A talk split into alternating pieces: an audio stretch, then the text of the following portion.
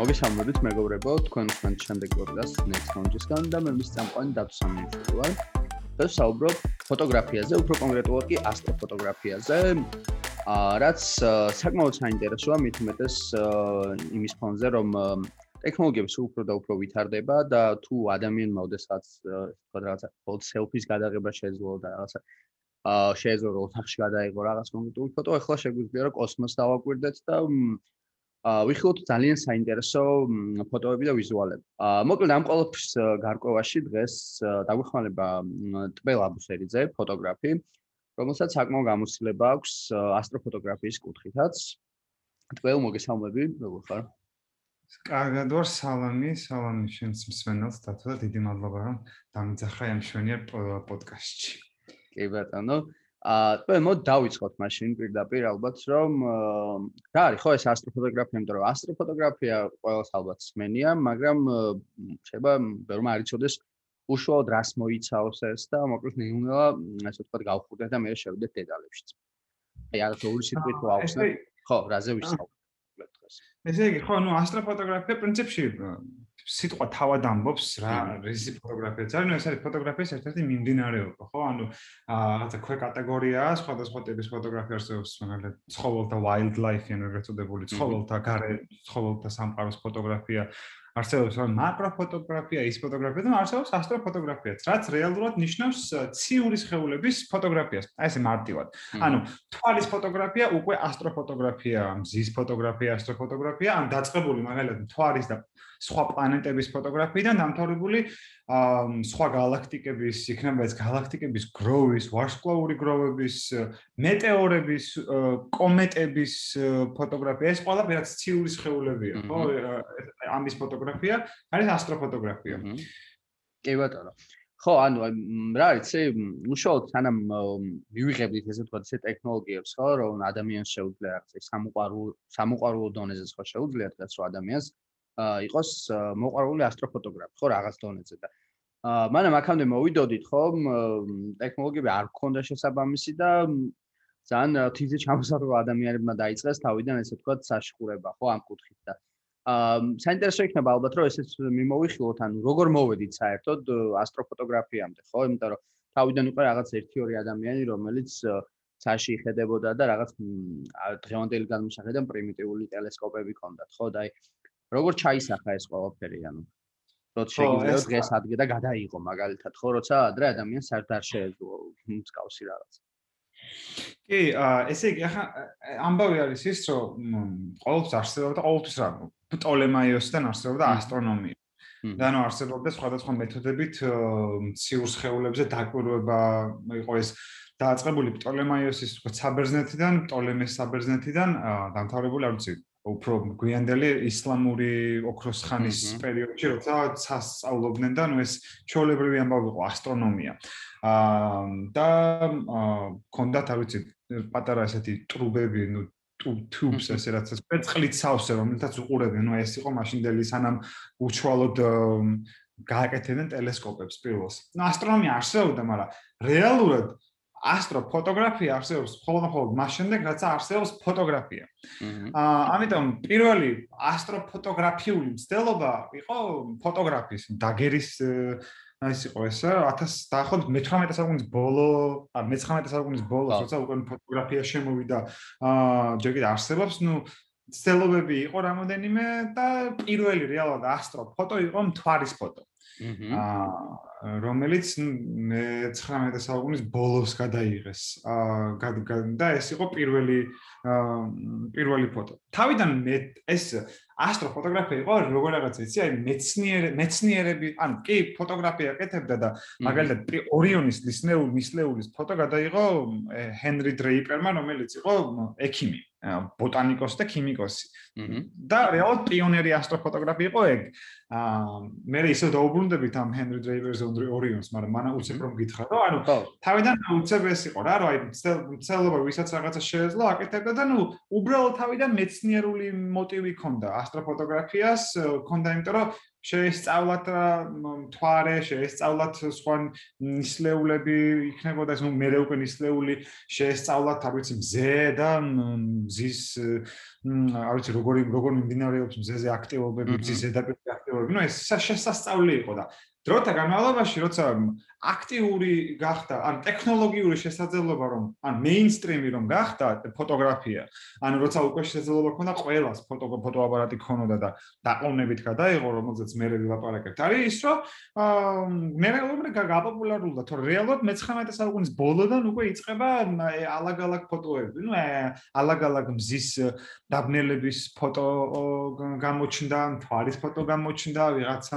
ორიონის ნისლეული გადაიღო მონოქრომში, ანუ შავ თეთრში და ეს ნელ-ნელა ნელ-ნელა დაიწყო ასტროფოტოგრაფია და ტექნოლოგიურ პროცესთან ერთად, ტექნოლოგიურ პროგრესის პროცესთან ერთად, ამ პროგრესთან ერთად გამრავლდა ასტროფოტოგრაფების რაოდენობაც და აღარ არის უკვე ასტროფოტოგრაფია, აღარ არის წმინდა სამეცნიერო, არამედ უკვე ხელოვნებისაც შეგვიძლია ვთქვათ. ხო, სამოყვარულო ასტრონომიის მიმდევარია. ასტროფოტოგრაფია არის სამოყვარულო ასტრონომი. ანუ ეს აღარ არის უკვე აა ესე ადრე რომ კი დღესაც არის მე ამაზეც ვილაპარაკებ მე ჰაბლი ჰაბლი რასაც აკეთებს ეგ არის ამეცნიერო მაგამ ბავში მაგრამ უმეტესწილად დღეს უმეტესი ადამიანი ვინც ასტროფოტოს იღებს მეცნიერებასთან კავშირი იმ თვალსაზრისით რომ ეს არ არის აღარ სწავლობს, ანუ აღარ სწავლობს მისლეულებს და აღარ სწავლობს მთვარეს. უბრალოდ უღებს, იმიტომ რომ ნუ ამის შესაძლებლობა აქვს და უბრალოდ არის ინტერესი და თან უყვარს ასტრონომია, მოყვარული ასტრონომია და შესაბამისად აი ამ ტექნოლოგიების საშუალებით ახარებს თავის ჭიას რომ ნახოს ის ნისლეული, იმიტომ რომ იცის რომ ეს პლანეტები გარდა ვარსკვლავების აფეთქების შემდეგად არსებული გაზები, რომელიც მე ამ ნისლეულებს ქმნიან, ამას რომ გადაუღე ფოტოს, არ ვიცი, შენს ცოდნასაც თითქოს ამყარება ასტროფოტოგრაფიით და ნუ აი ასე მოვედით აქამდე რა. ხო, ანუ მოყარული ასტრო ვისაც ასტრონომია ზოგადად აინტერესებს, რამე რაღაცას საკუთარი თავით განიკიცებს, ხო, საკუთარი თვალისთვის ნამდვილად კი ეგ ეგ ფაქტია. ხო, ამასთან ერთად კიდე იცი რა არის საინტერესო. ახლა შენ თქვი რომ მაგალითად ეხლა შეიძლება იყოს ძირთად უფრო მოყვარულიაო ადამიანი, ვინც ასტროფოტოგრაფიაო და ადრე უფრო რაღაც მეცნიერებასთან იყო ეს დაკავშირებული და აი ამ ხრივ რა შეგვიძლია ვთქვა, ანუ რა კუთხით იყო უფრო დაკავშირებული, ანუ მეცნიერები იყენებდნენ ამას უფრო პრაქტიკულ დონეზე, სიტყვაზე ასტროფოტოგრაფები ყავდათ ვისთანაც თანამშრომლობდნენ თუ აი რა დონეზე იყო ეს ეს ურთიერთობები სიტყვაზე? ну ამას ანუ რეალურად ადრე ვინც ამას იღებდა ფოტოებს ვინც იღებდა ვინც ცდილობდა ну თან აუცილებლად რაღაცა მეცნიერებასა რაღაცა ყვეთა აუცილებლად ქონდა რა ანუ გინდა ეს ჰენრი პეიპერი თუ გინდა არ ვიცი ფუკო იყო ასეთი ფრანგი ასტროფოტოგრაფი, სხვა ფუკოა. აა, რომელიც ასევე, ну, მეცნიერებასთან ქონდა ყველას თითქმის კავშირი რაღაცა ფორმით. ну, ფიზიკოსები იყვნენ, ან არა, მაგრამ ну, მეცნიერებასთან ქონდა კავშირი და აა, რადგან ადრეული იყო, რადგან პირველი იყო, ამიტომ ქონდა ასეთი მткиცე კავშირი აა მეცნიერებასთან და ნუ რა სწავლობდნენ, რა სწავლობდნენ იმას რომ აი რეალურად ადრე ხატავდნენ, ხო, ეს ყველა ყველა ცა იყო დახატული რეალურად. თვარეც და ყველაფერიც იყო ჩანახატები გაკეთებული, რომელსაც უყურებდნენ ამ ტელესკოპებით, ძველ კეპლერის დროს და ძველ მე-17 საუკუნეში, დასაწყისში როცა ტელესკოპები გამოიყენეს, ეგ იყო რა, რომ თვარეს უყურებდნენ და ანუ იმას ხატავდნენ მე და ასე იხატებოდა ცა ეს მოიცა როგორ იყო? დაფიქსირება ვერ ხერხდებოდა მოკლედ მაგის მაგინდა. ო დაფიქსირება რეალობის დაფიქსირება ზუსტი ისეთი როგორიც არის ის რაც რასაც უყურებ ამ თვარი ამ შემთხვევაში თავისი კრატერებით ვერ ხერხდებოდა და მხოლოდ იყო ნახატები და აი ამ მოიცა ამას ასე ეძახდნენ ადრე ჯერ კიდევ კეპლერის კი თავის იმაში ნაწერებში ამბობს ამას პტოლემედან დაწყებული ასე იყო რომ ამ ყველაფერ ციურ სხეულებს ეძახდნენ არა ხვთი არა ხვთი heavenly spheres ერქვა ანუ სამოთხისებური სხივები ხო რაღაც ხო სამოთხმელი სფერო რომელიც სამოთხის იმიტომ რომ ნუ იქ ბევრი მიზეზის გამო წრეზე ბრუნვით და ანუ ძალიან კარგი მათემატიკური იმით რა ქვია მოცემულობით რომელიც ისინი ბრუნავენ მაგათ გამო.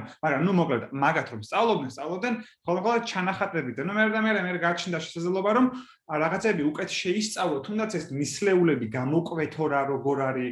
ან ნისლეულ აი რომ შეისწავლო მაგალითად წყალბადის გამოსხივება რამდენია და რამდენია სულფურის გამოსხივება და რამდენია აა ნახშირ ისა ოქსიჯენ რაღაცა ჰაი რა ვიცი მაგ გამოსხივება. თან ფერების მიხედვით ხვდები რა რომელია და ნუ მოკლედ ამ თვალსაზრისით შესწავლანუ ხვდები რომ რაღაცა რო იშლება რა ელემენტებით არის სავსე ის არ ვიცი ნისლეული თქვა ხო ანუ წყალბადით რო არის სავსე ესე იგი წითელი ფერისა ა როცა ოქსიჯენ ანუ ეს არის უკვე მაგ ფილტრში თუ გაატარებ ნახავ რომ ლურჯია და ან ფერების მიხედვით მაგას ხვდა ანუ ეგეთი რაღაცა სამეცნიერო ისინი აღმოჩენები ამ ფოტოგრაფიასთან ერთად შესაძლებელი გახდა. და ამ კუთხით იყენებდნენ. აი ჰაბლს ჰაბლთან რომ მივალთ მე ალბათ მაგასაც უფრო დეტალურად დღეს უკვე ახლა დღეს ახლა ჩვენ სასაც ვიღებთ ხო? ჩვენ ასტროფოტოგრაფები ჯეოასტროშასაც ვიღებთ. აი ანუ ესეთი სამეცნიერო კუთხით აა კი შეიძლება შევხედოთ რაღაცეები ნუ ალაგ-ალაგ თქვათ ხოლმე ჩვენთვის მაგრამ არ არის რა მეცნიერები რეალურად არ ვიყურებთ როგორც მაგალითად აბას თუმანში ჯავახიშვილი ამას რა ქვია ადამიანი რომ ხო გიორგი რომ კომენტებს რომ დასდევს დასდევს იმიტომ რომ ამას იკვლევს და მეცნიერია და ჩვენ კომენტას რომ დავსდევთ ნეოვაის იმიტომ დავსდევთ რომ ფოტო გადავაგვიყო მისთვის და არა იმიტომ თუმცა ამას აქვს თავისი კუთხით ჩემი აზრი ყოველ შემთხვევაში ის პლუსი რომ სიტყვა სიტყვაზე ანუ უწყობ რაღაც დონეზე პოპულარიზაციას მეცნიერებას და რაც უფრო მეტი ადამიანი გადაიღებს პირობითად ესეთ ფოტოებს და რაღაც რაც უფრო ხელმისაწვდომობა იქნება ამ ხრივ მომავალ თაობებიც უფრო დაინტერესდებიან ხო? რაღაც დონეზე მეცნიერებით და ამ კუთხითაც შეგვიძლია რომ რაღაც ხრი დავაკავშიროთ კიდაც რა. ეს რაღაც ხრი კი არა პირდაპირ კავშირში იმიტომ ჯერ არ მინახავს ასტროფოტოგრაფი რომელსაც არ უყვარს ასტრონომია და შესაბამისად მეცნიერება. ანუ პირდაპირ კავშირშია რა ანუ არ შეიძლება რომ ანუ ასტრონომია არ გიყვარდეს და ასტროფოტოგრაფია კი არა და რაც უღებ მაშინ ფოტოებს ხო აი იმას ცხოველები რო არ გიყვარდეს და საფარიზე რომ მიდიოდი აფრიკაში. თუმცა რო ცხოვრობ ლომებთან ერთად და რო გიზიზღება ყველა ცხოველი, ხო? ხო, რო გიზიზღება, ხო, არ გინდა დასანახად რო გიზღება. და ახლა კიდე ამ მეცნიერებასთან პირდაპირ კავშირშია რა, ნუ ფოტოგრაფია, ეს ფოტოგრაფია გიყვარს, ასე იგი მეცნიერებაც რაღაცა დოზით უნდა გიყვარდეს. სამოყვარულო მაინც. კი ბატონო, კი ბატონო. ხო, მოდი აი ხა იგაგრას შემდეგ ესეთ შეკითხვა მქონდა და ამ თემაზე მინდოდა რომ გადავსულიყავით და რაღაც პირდაპირ ებმევა. მე მგონი რომ ანუ ერთი ეს რომ სიტყვაზე ადამიანს შეუძლია რაღაც სამოყვარულო დონეზე დაინტერესებდეს ეს და უშუალოდ არ იყოს ეს რაღაც კონკრეტულ კვლევებში და იმებთან დაკავშირებული. და აი აქედან გამომდინარე გამიშლეთ შეკითხვა ანუ აი გინდა ჩენ თავზე შეგვიძლია რა შენი მაგალითი ავიღოთ შენ როგორ დაინტერესდი ამით პირველად სიტყვა ნუ გასაგებია შეიძლება შენ ასტრონომია გაინტერესებდა ხო და აი ეტაპებად მიუყვეთ რა აი მე დამაინტერესდა მაგალითად იმან და მგონია რომ სმენელსაც დაინტერესებს ეს მომენტი რომ აი ერთი რომ შენ გაინტერესებდა ასტრონომია სიტყვაზე და რა ნაბიჯები გადადგი იმის იმისთვის რომ იმდა სამოყვარულო დონეზე მაინც ქონოდა შეხება ამ ასტროფოტოგრაფიასთან რა სკილები შეიძლება დაგჭირდეს პროცესში და რა სკილები უნდა შეიძინო. ან შეიძლება რა სკილები ხა მე პირაბით ამ სმენელს ეგონოს აი რაღაც ის უეჭველი ჭირდება რა ამან რომ იცოდეს მაგრამ აღმოჩნდეს რომ რეალურად ეგრე არ არის რა და ეს შევა სწორედ არ გჭირდება ხო აი აი მაგაზე ვაპარაკოთ ხო, ეგ ძალიან საინტერესო. აა კი, კაი კითხვა. ოღონდ იმ თვალსაზრისით რომ ან რაღაცა უნდა იცოდე რომ დაიწყო, ეგ მაგას ვინც ამბობს, ეგ რას ნიშნავს? რა ანუ რას ნიშნავს? ანუ რაღაც რომ თუ იცი რაღაც იწყება, ოღონდ დაწყება ისე რომ არ იცი და უნდა ისწავლო, ანუ ეგ არის თელი ამბავი. ამიტომ ნებისმიერ რაღაცის დაწყება ნიშნავს რომ არ იცი და უნდა დაიწყო მისი სწავლა. მე ჩემ შემთხვევაში როგორ იყო, იყო ის რომ თელი ცხოვრება არ პრინციპში ჰოლივუდის ფილმების გავლენა იყო ის რომ ყველა ბავშვი ტელემაში ოთახში ქონდა ტელესკოპი. ბაზარია რა ბაზარია რა მე ხო მე ძალიან მომწონდა ეს ხო და მეც მინდოდა რომ ტელესკოპი მქონოდა რა და ნუ აი პირველ კურსზე ძლიერს დავაგროვე აი თელი ამ ბათუმიდან რო ვიყავი სამიზად თბილისში ანუ სა სხვა ანუ ხარჯები უფრო სხვანაირად გაქვს ანუ შენი სახლი არა გიწევა და ნუ აი ამ რაღაც ცოტა-ცოტა გადადებით გადადებით უც ვიყიდა პირველი ჩემი ტელესკოპი 70 მმ-იანი ცელესტონის ტრეველსკოპი ეს რომელიც აა 2015 წელს ალბათ ან ხო 15 წელს და რა გინდა მაშინ ეგ 70 დოლარი ღირდა ეგ ტელესკოპი რომელიც ღირდა და სან მეგონა რომ ან ძვირიანებიც იყო მაგრამ ნუ ეს ტრეველსკოპი ანუ ეს ამას არა ტელესკოპი კი არ ხო თქვა ტრეველსკოპი ანუ თან სამოგზაურო იყო და რომ იკეცებოდა რაღაცა და პატარა 70 მმ-იანი ის იყო ლინზა რეალურად რომელიც ტელესკოპი რომელიც ნუ ამ თვარეზე კრატერებს გაჩვენებდა სატურნის რგოლს და განახებდა იუპიტერს თავისი 4 თანამგზავრით და ალაგ-ალაგ ორიონის ნისლეული ანდრომედას გალაქტიკა ეგეთ რაღაცები შეგეძლო დაგენახა. თან ჩიტებსაც შეხედავდი ანუ ყველაფერთან ერთად ბინოკლის იმასაც აქვს ასრულებდა რა ფუნქციას და დავითხრია ეს ტელესკოპი და თან ჩანთა ქონდა რომელიც ჩაგდა და სადაც დავდიოდი კარვით დავდიოდი მაშინ ბევრს და თან დამქონდა ეს ჩანთა ჩანთაში მე და რავი ხანსად მიდიოდი ხანსად მიდიოდი უყურებდი და ერთხელ ვარკეთილში ვიყავი მაშინ დავცხოვრობდი. ვარკეთილიდან ნუ ეს ახალი ჩამოსულია რაღაცა ვათვალიერებ ცას და ანუ პირ ცა გამოჩნდა ჯერ რაცა გამოჩნდა ვარკეთილიდან საერთოდ არა განსაკუთრებული ცა არის თბილისის ცა რა რავი და ცა გაიხსნა და ნო, საგა ხომ და ნუ დიდი არაფერი ცა არ ჩანს ახლა ვარკეთილიდან თან თბილისის და დაბინძურებული ცა შუქით და ტურით და ყველაფერთან არაფერი მაგრამ ტელესკოპით მაინც რაღაცები ჩანს და ნუ ათვალიერებ ოღონდ რენდომად აი ესე უბრალოდ რენდომად ვიყურებოდი ცაში რა ეხა რას ვარსკვლავიდან ვარსკვლავზე გადავხვდებოდი და უცებ. ბიჭო აღმოაჩინე რაღაცა რაღაცა ნაცრისფერი და ვერ მივხვდი ეს ნაცრისფერი რა შეიძლება და ყოფილიყო და მე კასიოპეასთან ახლოს იყო, ანუ კასიოპე თანავარსკვლავედი W-ს თანავარსკვლავედია და W-ს გავს მოკლედ რო შეაერთო ხაზები და იქვე არის ანდრომედას გალაქტიკა. და ნუ მანდ იყო, რა ვიცი, ჩემი ბედნიერება, არ ვიცი რა, ისეთი ბედნიერება ხო, რომ მეთქი, ვაახ, ანდრომედას გალაქტიკა, ან მე რომ ნახე რა იყო, აღმოჩენ თურმე ანდრომედას გალაქტიკას უყურები და გამირბის, იმიტომ რომ ცახო, ცაბრუნოს კი არ ვიცი, ბრუნოს ამასაც ცაც. ანუ ეს ტელესკოპ შეხედა, რავი, ორი წუთი აღფრთოვანებული ხარ და მე გაქცეულია უნდა შეაბრუნო ის, უნდა მიადევნო რა და აა ასე აღმოვაჩინა შემიყვარდა ეს ცაზე ყურება და ანუ ასტრონომიის სიყვარული იყო პირველი ფოტოგრაფია არც კი ვიცოდი საერთოდ ანუ არა ფოტო მაქსიმუმ ტელეფონი თუ გადამეყო ანუ ფოტოგრაფია არ იყო არასოდეს არ არ ქონია კამერა და არც კი მიცდია ну астрономия იყო ეს და ну ну უყურებდი ასტრონ ამით ცის ცას უყურებდი რეალურად ამ ტელესკოპით და მე და მე ну იქ საერთო ნაცნობები იყო თუ როგორ და რანაირად ну მივაღწია აღმოვაჩინე რომ the national geographic-ში დაიბეჭდა ქართულ ასტროფოტოგრაფის დავით დვალის ნაშრომები რომელიც რომ შევხედე ну მეთქი ვაახ ეს მაგარი ამას როგორ აკეთებს თქო და ну ჩემ მეგობარს ლევანს თხოვე რომ იქნება რამენაირად რედაქტორი იყო მაშინ ის ხო ლევანს ხო თხოვე რომ მეთქი იქნება და რამენაირად დამაკავშირო ან იქნება გამაცნო რომ იქნება რამე ვისწავლო თქო და ეგ იყო და ეგ რა ნუ გამაცნო და ნუ მაკედან უკვე დავით თვალს უკვე რავი ცოდნა ქონდა დაგროვებული ეს თან ამბავის რა რომ ხო იცი მასწავლებელი ხო ყავს მე რეალურად დავით თვალი ვინც გვასწავლა ჩვენ ყოველას მარა მას არ ყავდა რა მასწავლებელი ანუ თვითონ თვითონ ანუ თვითონ უნდა ექნა ეს სკოლა მაგაში მე გამიმართლა რომ ეს უკვე აკუმულირებული შეგროვებული ცოდნა პირდაპირ გადმომესხა და აი მას ეს ცოდნა არსა ნუ აი ხანი დაბოდა ხანი კითხულობდა ხანი მას უყურებდა და აი ესე იქე ყველა ფრიდან შეაგროვა და მე ეგრევე გადმომესხა ეგ ცოდნა და აი ესე დავიწყე ასტროფოტოგრაფია ცოდნა არაფერი არ მქონდა. არც ფოტოგრაფიის და დიდად არც ასტრონომიის. უბრალოდ რავი ამის სიყვარულმა გზა და გზა ერთიც მასწავლა და მეორეც მასწავლა ო, საინტერესოა, კი.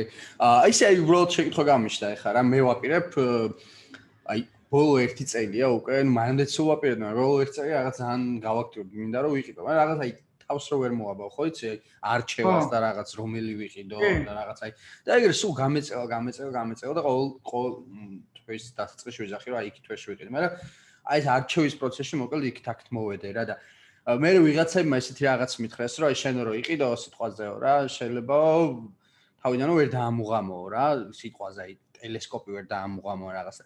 აი შენ თავიდან ეგ ეგ პროცესი მარტივი იყო შენ თუ ეს აგინეს ტელესკოპისთვის რომ დაგემუღამებინა, რა დონეზეც კიდე სამოყარო არ ყოფილიყო რა, აი მაინც რაღაც მარტივი იყო ეგ, ამ შემთხვევაში შეიძლება აინტერესებდეს ეგ და მაგით უკითხულობ მithumet. ბიჭო, ანუ რა იცი, მართლა ანუ მე იმდენად მაღალი და ჩართ ყველას ჩვენ როცა მაგას ვაკეთებდით 2016-ში დავიწყეთ, მგონი ასე აქტიურად. იმდენად მაღალი ენთუზიაზმი და დიდი ენთუზიაზმი მქონდა და რავი, დღესაც მაქვს ისე მიყვარს ეგ რომ რომ არ ვიცი, ანუ ყველაფერს ისრუტავ, ვისრუტავდით მაგ დროს რა და ახლა ახლა კიდევ უფრო მარტივია. ახლა YouTube-ში მაშინ არ ვიცი რამდენად იყო, მაგრამ ახლა YouTube-ში თავი არის რა ჩაულებრივად ვიდეოები. ოკეი, თუ მოდა ხარ არ გაგიჭირდება ხო? ბიჭო, რა აი როგორ რაღაცა იცი, როგორც ყველაფერი სხვა ცხოვრებაში ესეც ისეთივეა რა, თუ ძალიან გინდა ანუ მონდომებული თუ ხარ არა და რა უნდა გაგიჭირდეს, არ ვიცი, ნუ თუ ენა იცი დღევანდელ ციფრულ სამყაროში რა ანუ რა რისი თუ ენა იცი ინგლისური თუ იცი არ ბევრი ენის ცოდნა არ არის საჭირო თუ იცი არ ვიცი მონდომება და ინგლისური ენის ცოდნა ხო იცი ინგლისური და კომპიუტერი რო უნდა იცოდე დაახლოებით ეგრეა რა ინგლისური და ინგლისური თუ იცი და YouTube-ში შესვლა თუ იცი რავი მონდომება თუ გაქვს საკმარისი ანუ რა უნდა გაგიჭირდეს არ ვიცი.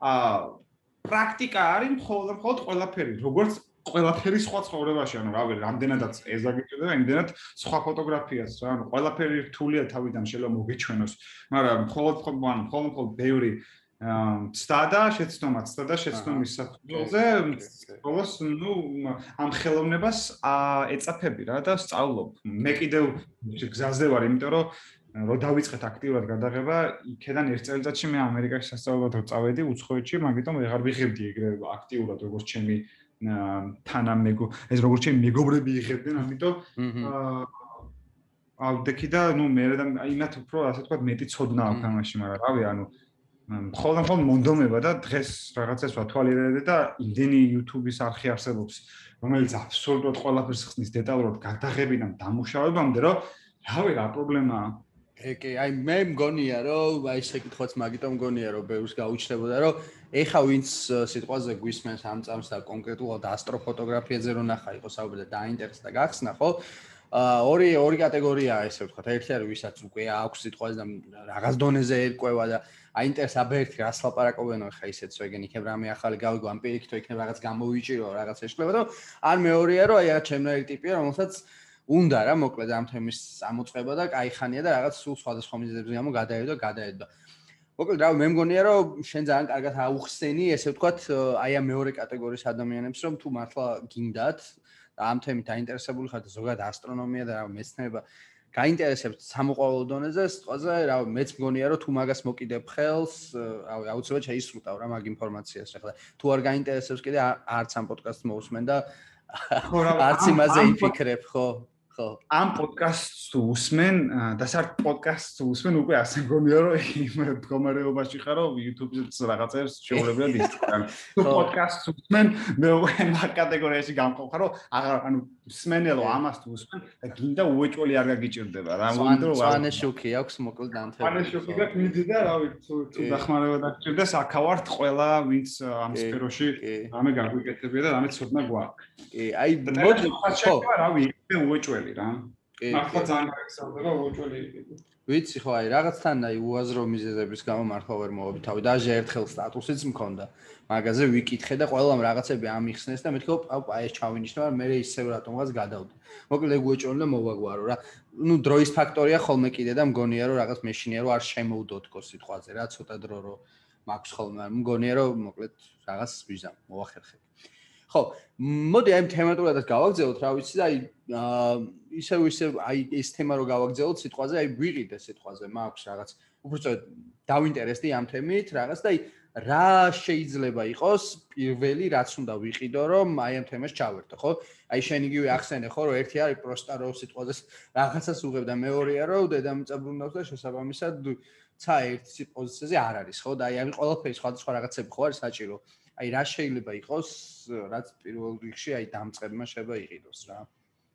ბიჭო აი ეგ უკვე ისეთი საკითხია რომელიც არის აი მე ბევრ რაღაცას მაგ ფინანსებთანაც ახლოს იქნება და ყველაფერს მოედება ეს თემა მაგალითად ან და იმიტომ ამ ამას რომ აა ასტროფოტოგრაფია გინდა თუ ასტრონომია იმიტომ რომ ასტრონომიას გინდა უფრო იაფია იმიტომ ტელესკოპს იყიდა საკმარისია მაგრამ აი ასტროფოტოგრაფია თუ გინდა კი. აა თუნდაც დამწყებ დონეზე ცოტა უფრო ძვირია იმ თვალსაზრისით რომ რა გე კამერა გინდა ხო უეჭველი აჰა და кай კამერა გინდა ხო ნუ кай კამერა გინდა რა ანუ რავი არავი ალბათ ნახა დღეს უკვე რაღაც Huawei-ის ტელეფონებსაც აქვს ეს Astro Mode და რაღაცები რაც ცოტა ჯერ ის არის აა მიმიკა ასტროფოტოგრაფიის პროჯექტი მე ასე მგონია მაინც იმიტომ რომ ანუ ამას უნდა შუქი შუქი შეგროვება ჭირდება რა და ხა ვერა ვერა Huawei-ის და ტელეფონების პატარა სენსორი და რავი მილიმეტრების ლინზა ვერაგროვებს შუქ საკმარისად. ჯერჯერობით მაგრამ ალბათ მომავალში და ასწიდამენ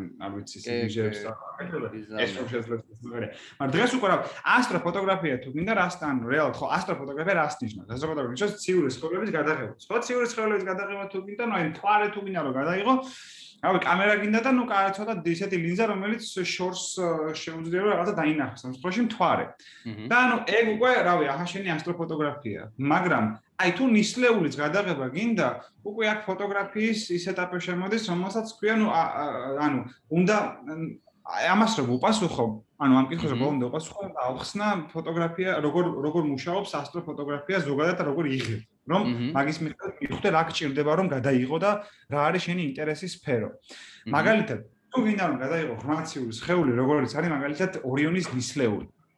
რომელიც არის გაზების გროვა, რომელსაც რომელიც ასე ერთი შეხედვით ალბათ გესოდნიერა რა 24-25 კადრი წამში ვხედავთ. ჩვენთან ეს არის საკმამისო ინფორმაციას ვღებულობთ ეგრე რა და ჩვენ ანუ ასტროფოტოგრაფიის პლუსი არის ის, რომ გვაჩვენებს იმას, რასაც ჩვენ ვერ ვხედავთ, რაც არის, მაგრამ ვერ ვხედავთ, იმიტომ რომ უბრალოდ ევოლუციურად არ ვართ აღჭურვილი. ადაპტირებული კი ბატონო. ხო, და მხედველობა არ გვაქვს ევოლუციურად ეგრე არ ვართ აღჭურვილები, რომ მაგალითად კამერა რასაც აკეთებს არის ის, რომ ხო სენსორი ხო არის, რომელსაც აქვს ფარდა.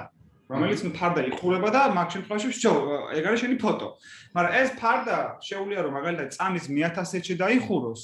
და შეუძლია რომ ბააწვევი ღილაკს, ეს გაიხსნება ეს ფარდა და აი ამ იქიდან წამოსულ შუქს აკროვებს, აკროვებს 30 წამის განმავლობაში. წარმოიდგინე, შენ რომ შეგეძლოს რაღაცაზე ისე შეხედვა, რომ რომ შეხედავ 30 წამის განმავლობაში აგროვებდი სინათლეს და მიღებულ ბოლო 30 წამზე მიღებულ სინათლეს ერთად რომ უშვებდი ამ 30 წამის სინათლეს, ერთად უშვებდი თავში და თავი მე ატვინში უბრალოდ და არენდერდეს და გაზრდებს ფოტოს. ეგ არის რეალურად ასტროფოტოგრაფია, რომელსაც ჩვენი თვალები ვერ აკეთებს, იმიტომ რომ ევოლუციურად არ გჭირდებოდა არასოდეს. არ გჭირდებოდა რა დაჭიროების მიხედვით არ არის, ეპოსტერ არ ვარ დაღჭურულები რა. არა არა მართებული იქნებოდა ხა საჭიროება რომ მეხსენებინა, მაგრამ არ ვარ დაღჭურულები მსგავსი მხედველობით. ამიტომ ეს ჭირდება კამერას ჭირდება რომ დააყოვნოს რა ადამ რომ დააყოვნებს 30 წამის განმავლობაში რომ იქიდან შემოსული ფოტონები შეაგროვოს და მე ამან სენსორზე და საბოლოო კუდის რომ ფოტო რომ მოგცეს, ამისთვის საჭიროა დრო, რომ 30 წამის განმავლობაში აყურებინო იმ ობიექტზე. მაგრამ პრობლემა არის რა, რომ 30 წამის განმავლობაში ცა ბრუნავს, დედამიწა ბრუნავს, გაიგე და უნდა მიყვეს ამას, ხო? უნდა მიყვეს რა.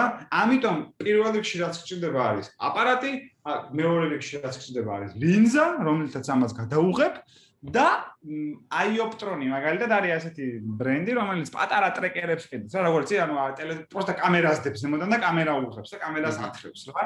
და ეს გჭირდება. აიოპტრონი რომელიც მაგა ეს აპარატი რომელიც ცის მიმართულებით და დედამიწის ბრუნვის საპირისპირო ბრუნავს ან ცის მიმართულებით ბრუნავს ისე რომ ცასთან მიყვება იმიტომ რომ მიყვება არიბლარება მაგ დროს რა იმიტომ რომ ცაც ბრუნავს და შესაბამისად არაფერი ფოტო ესეთი დაბლარული აღარ გამოდის, ანუ გადღაბნილი აღარ გამოდის, იმიტომ რომ ხო გინახავს ღამერო ტელეფონით იღებ და ხელს რო გამოძრავ და გადღაბნილი რო. აი ეგ პრინციპია ზუსტად რა, ანუ გაგეძღაბრებ და ცა მოძრაობს და ვარსკვლავები წერტილები კი აღარ იქნება, ხაზები იქნება, იმიტომ რომ ნუ გამოძრავებული იყოცა და ეს 30 წამის განმავლობაში უღებ და ამიტომ უნდა მიადევნო. შესაბამისად თუ ასტროფოტოგრაფია გინდა და თქვა ღმაციური სხეულების გადაღება გინდა აუცილებელია, ანუ აუცილებელია რომ რაღაცა გქონდეს მოწყობილობა, რომელიც ცის ბრუნვას აუბამს ფეხს თუ რავი, რასაც აუბამს, მოკლედ რომ იმას მიადევნო რა. ამიტომ პირველ რიგში მე მაინც უფრო იმას ვიტყოდი, რომ ჩემი რჩევა იქ არის ობიექტები, რომელსაც არ ჭირდება მიდევნება და რაღაცა მინიმალურად ჩანს. მაგალითად, ორიონის თანავარსკვლავედი ისევ, რომ გადაუღო ეს ზამთარში ჩანს, უფრო ზამთრისკენ ჩანს ორიონი. რომ გადაუყო რავი 15 წამში 20 წამში ჩაატა და რაღაცა ისეთი თხლად ნისლეული გამოჩნდება რა მაგრამ აი ორიონის ის ფოტოები რომელიც ალბათ შენ გინახავს აა იმას ჭირდება დრო. ბევრი დრო ჭირდება მაგალითად დვალსაკ 2 საათი 3 საათიანი არსებობს რავი 9 საათიანი ექსპოზიცია. ანუ 9 საათი ადევნებდა რა 9 საათი უღებდა და მე იქიდან შემოსულ მასალას ამუშავებ. პირველი ორიონის ზუსტად ახლა რომ მიუბრუნდეთ პირველი ორიონის ნისლეული გადაიღო ჰენრი დრეიპერი იყო ასეთი ბოტანიკოსი, ქიმიკოსი, ნიუ-იორკის უნივერსიტეტში ასწავლიდა. პიონერი ასტროფოტოგრაფი 51 წუთის განმავლობაში უღებდა ფოტოს, რომელიც დღეს რომ გადაიღო, რავი, ალბათ 10 წამი გჭირდება, რომ მაგაზე უკეთესი ფოტო დადო. ანუ მაშინ ტექნოლოგია იყო ცუდია 4, რავი, მე-19 საუკუნის ბოლოს და ახლა უფრო მარტივია. ნუ დრო გჭირდება, სამისად ახლა რა ჭირდება დამწყებ ასტროფოტოგრაფს? კამერა და ლინზა, всё. და აა უკვე რაღაცების გადაღება შეგეძლება რა, მაგრამ ანუ აი თუ უკვე მართლა იმენა ასტროფოტოგრაფია გინდა, რასაც ქვია და ღრმაციური ზღოლის გადაღება გინდა, ნუ მაშინ ცას უნდა მიადევნო, რა სხვანაირად გაგეძღადნება. და всё, ეგ მოწყობილობა პრინციპში უკვე საკმარისია, რომ რა ბევრნის ბევრ რაღაცას გადაუღო. ნუ იქნება ეს ანდრომედას galaktika, იმიტომ რომ ძალიან ნათელია და მარტივი არ ჭირდება მაგას ტელესკოპი, ჩვეულებრივი რავი, ლინზითაც შეიძლება გადაიღო. აა, ნის ორიონის ნისლეულს შეიძლება გადაუღო. და აი ამ სხვადასხვა ისე ლაგუნას და ტრიფიდის მისდეულ შეგიძლია გადაუღო შორიდან და ანტარესის რეგიონს შეგიძლია გადაუღო რომელიც მთლიანად ირმის ნახტომის რეგიონია სამ ჩვენი galaktikis ცენტრიდან ძალიან მარჯვნივ ჩანს ცაზე ზაფხულ ზაფხულში ჩანს აი ამ დროს ჩანს კაკას ყველაზე კარგად. მაგას შეგიძლია გადაუღო და უფრო ლამაზი ფოტოები გამოგივა რა მაგრამ სავალო ჯამში ეს მოწყობილობა უოჭველი დაგჭირდება რა და ეს არის ისაც გინდა. ტელესკოპი ამისთვის საჭირო მართლა არა რა ანუ კამერა და ლინზა საკმარისია ასტროფოტოგრაფიისთვის ტელესკოპი უკვე საჭირო როდის ხდება იცი? ა ანუ ისეთ ციურ შეეულებს რო უღებ რომ ისე შორს არიან რომ რავი ანუ ამ ხო. 6 მილიონიანი ტელესკოპი გჭირდება რომ გადაუღო და ძალიან ღრმაც. აი მაგას ქვია უკვე deep ასტროფოტოგრაფია ანუ ღრმა ციურ შეეულებს რომ უღებ. შორს რომ მიდიხა. ხო შორს რომელიცაა რა იმიტომ რომ მაგას რანაირად გადაუღო. და თან ძალიან ბნელები არის იმიტომ რომ ძალიან შორსაა და სინათლე ჩვენამდე ძლივს მოაღწევს და ამიტომ ძალიან ბევრ შემოს მოითხოვს და მაგას უკვე ტელესკოპი გჭირდება მაგრამ ტელესკოპს მე უფრო მაინც იმიტომ ვიქონიებდი რომ რაღაცები პირდაპირ თვალით დავინახო და შევხედო ასტროფოტოგრაფიისას ნუ კამერა და ცის მისადევნებელი რომელიც არის 300 დოლარი ღირს გონი ის აიოპტრონი არ ვიცი ზუსტად აღარ მახსოვს ფასები მაგრამ რა ვიყიდი რა და ცას მიადევნებ და უკვე ეგ უოჭველი უნდა დაგჭირდეს. სხვა ნაირად ასტროფოტოგრაფია ნუ მე ვერ წარმომიდგენია მაგის სადღაც სადღაც აი თავიდან თუ ეს 300 დოლარი ალბათ სადღაც 1000 დოლარს ჩაჯდები სიტყვა და თავიდან რომ მოვაწყო რაღაც დასაწყისისთვის რა ბიჭო, კამერა ძვირი, ანუ კამერაც ხო გინდა, ლინზაც ხო, კამერაც გინდა, მართალია. რავი, გააჩნია რა კამერას ყიდულობ, რა დღეს რეალურად რავი, არ არის აუცილებელი ძალიან მოშინი კამერა კონდეს რა და 2000 დოლარიანი კამერა, ისეთი კამერების იღებენ, რავი, როცა Fuji-ს რავი 800 დოლარიანი, 900 დოლარიანი,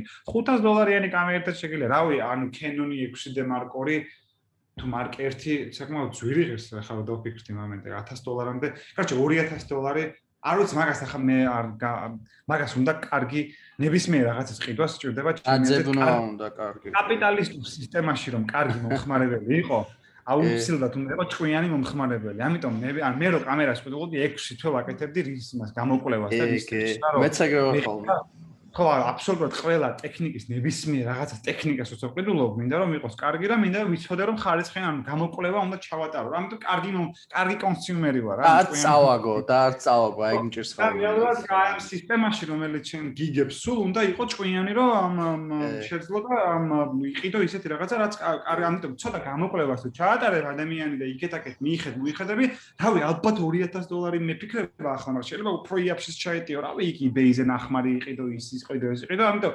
ძალიან ძვირიც არ არის დამწყები ასტროფოტოგრაფია რა უცებ რომ გადაიღო. რა მომენტ და პირველი კამერა და სადგარი უკვე საკმარისია რომელიც სასრო არ მიყვეს ეგეც რომ ერთი ორი რომ გადაიღო რაღაცები ნახო უკვე ეგეც რა რაღაცებს ირმის ნახტომს გადაიღებ ან რავი ისეთ რაღაცებს გადაიღებ რაც აი ესე პირდაპირ ფაქტე კუთხით ჩანს.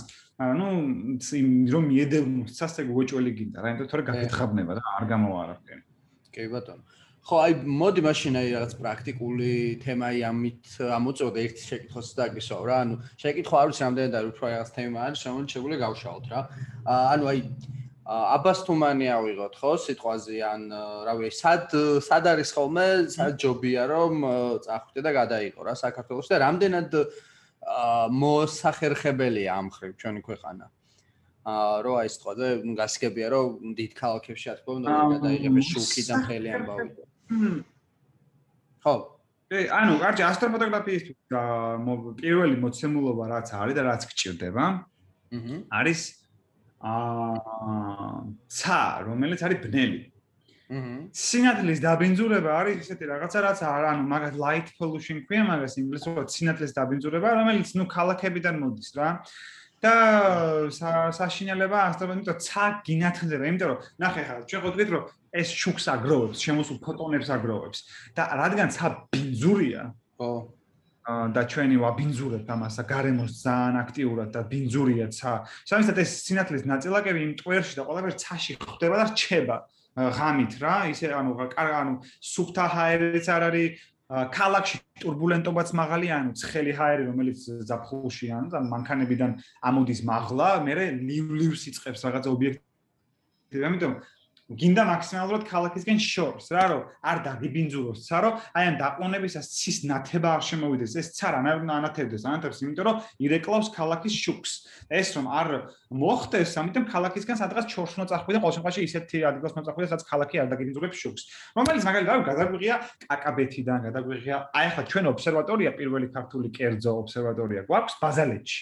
ბაზალეთზე 20 წუთია საკმაოდ ბნელიცაა კი თბილისი იქიდან აბინძურებს ცას, მაგრამ იმ ღრმაციურ შეეულებს, რომელიც უნდა გადავიღოთ, მაგასთვის მაგის მაგას ვერ აბინძურებს საკმარე, ან მაგისთვის საკმარისად ბნელიცაა რა ბაზალეთზე. საკმაოდ კარგად ჩანს იმის ნახტომის და ყველაფერიც კარგად ჩანს. ამიტომ ბაზალეთი კარგია, აბასტუმანიც კარგია. აბასტუმანი რომანოვების ჯერ კიდევ რომანოვების დროიდან მოხდილი რომანოვსმა უფროსმა რომანოვმა თუ უფროსმა რომანოვმა მაგათი მოხდილი ის არის ტექნიკა სამწუხაროდ კი დღესაც იგივე აქვს რაც თავის დროზე. მაგრამ მაგდროიდან მოხდილი, იმიტომ რომ ნუ ღამის საკარგია, ნაკლები შუქი ნუ ახლა სამცხეჯა ვახეთე თუ რაღაცა ეგ ეგ მაგეთ ხარ კი ანათებს, მაგრამ ეგრე დაანაც არა, შენ აბასთუმანიც კარგია.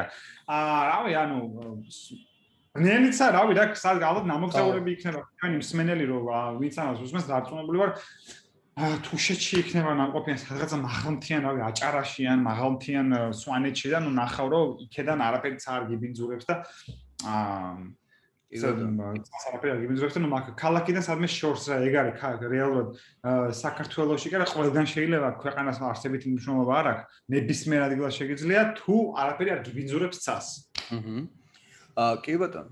მოდი მაშინ იმაზეც ვისაუბროთ რა ის სიტყვაზე დვალი რო ახსენე და ჩვეუასტრო აი ამ ხრივ რა ხდება დღეს საქართველოს ან რამდენად არის სიტყვაზე ასტროფოტოგრაფია განვითარებული? ან რა აკლია რომ უფრო იყოს განვითარებული? რაღაც ცოტა ხნის წინ ხო იყო კალსეგანის ციგნი რომ გამოვიდა და ასტროფოტო ქართველი ასტროფოტოგრაფების ფოტოები ხო შევიდა შენ ჩენიც იყო ხო მე მგონიში კი კი ჩემი ჩემი ჩემი ჩემი იყო ოღონ ჩემი ერთი ფოტო იყო და იყო იმის ანტარესის რეგიონის აი რაც ვახსენე ანტარესის რეგიონის ფოტო იყო შეიძლება ანუ უფრო ფართი კუთხით იყო არ იყო ღრმაციური სხეული როგორც ასეთი არ ყოფილა. ნუ მაგრამ ნუ მაინც ასტროფოტო თვითონ იმიტომ რომ ანტა რეალურად ჩემი ინტერესი იყო კი მთას ჩანს იქ ყაზბეგიდან გადაღებული ფოტო, მაგრამ ეგ მთა არ არის ინტერესი, ინტერესი არის ცა, ანუ ასტრო, ასტრო ინტერესი რა და ამიტომ მაინც ანუ ასტრონომია დითვლება ეგ.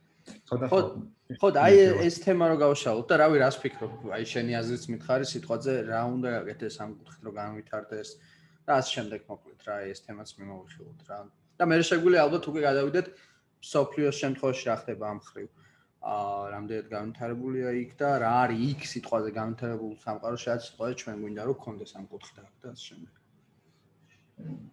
ხო აა ნუ ჩვენ შემთხვევაში ახლა ნუ ინტერესი რა თქმა უნდა ინტერესი არის აუცილებელი რომ ბავშვებს ადამიან არ ვიცი როგორ უნდა გავაღვიძოთ ინტერესს ამ მეცნიერება ისევ და ისევ მოგუნდებით იმას რომ აუ კარგად უნდა სწავლობდნენ ბავშვები დაინტერესებულები იყვნენ მეცნიერება რასაც კარგს ეგანი აკეთებდა ცდილობდა რომ გაეკეთებინა კოსმოსით მაგ წიგნით.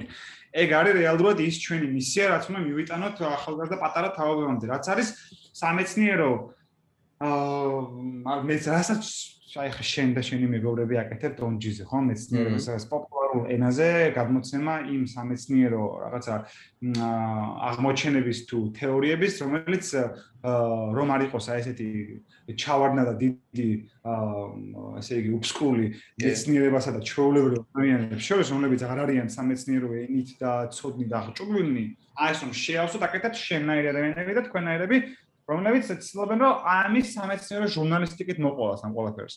იგივე ზუსტად იგივე უნდა მოხდეს რომ ინტერესი რომ გააღვიდეს სამ თვალსაზრისით აა საჭიროა რომ ბავშვებს რამენაირად შევაყვართ ასტრონომია რა, იმიტომ რომ ასტრონომიის სიყვარულიდან იწყება ასტროფოტოგრაფიაც რა.